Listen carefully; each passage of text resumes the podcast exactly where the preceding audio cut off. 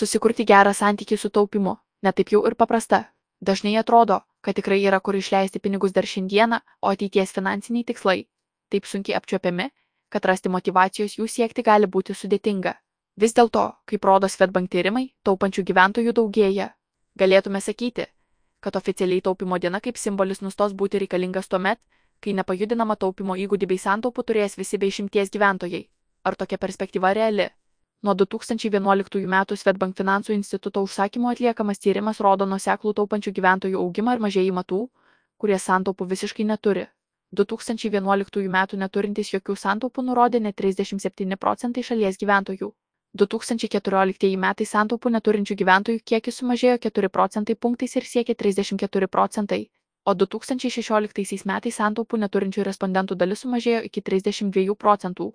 Ryškesnį lūžį gyventojų finansinėje elgsenoje stebėjome 2020 metais, kai santaupų neturinčių respondentų dalis krito iki 23 procentų. Didžiausia įtaka tokiam pokyčiui turėjo pandemijos šokas, vieniems virtęs realių pajamų sumažėjimu, kitiems - nerimu, kad dėl išliekančio neapibrieštumo jų pajamos gali bet kada sumažėti, tad būtina turėti rezervą.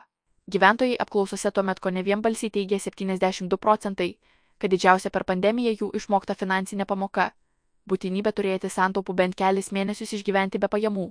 Požiūrį į taupimą bei su tuo susijusią finansinę gyventojų elgseną šįmet analizavome sudarinėdami finansinės sveikatos indeksą.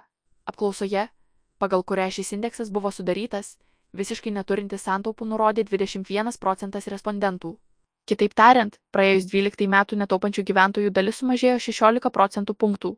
Ar tai reiškia, kad maždaug 2039 metai netaupančių gyventojų neliks ir minėsime paskutinę tarptautinę taupimo dieną? Mažai tikėtina. Kaip rodo jau aptarti tyrimai, atidžiau valdyti savo finansus mus paskatina finansiniai sukretimai. Pandemija, Rusijos karo Ukrainoje sukelta energetikos krizė ir šovusi į aukštumas infliacija. Tai išoriniai pastarojo meto veiksniai, turintys reikšmingos įtakos mūsų finansiniai elgsenai. Finansinį nerimą keliančių aplinkybių nelikus, tikėtina, būsime linkę bent truputį atleisti vadeles ir todėl, kad jausime mažiau finansinio nerimo ir dėl to, kad jausimės nusipelnę pagaliau savo leisti daugiau. Vis dėlto, per šį laikotarpį įgytą aišku supratimą apie taupimo privalumus bei įgūdį taupiau leisti pinigus, dalį jų atidedat savo pačių finansiniam saugumui, verta pasistengti išlaikyti.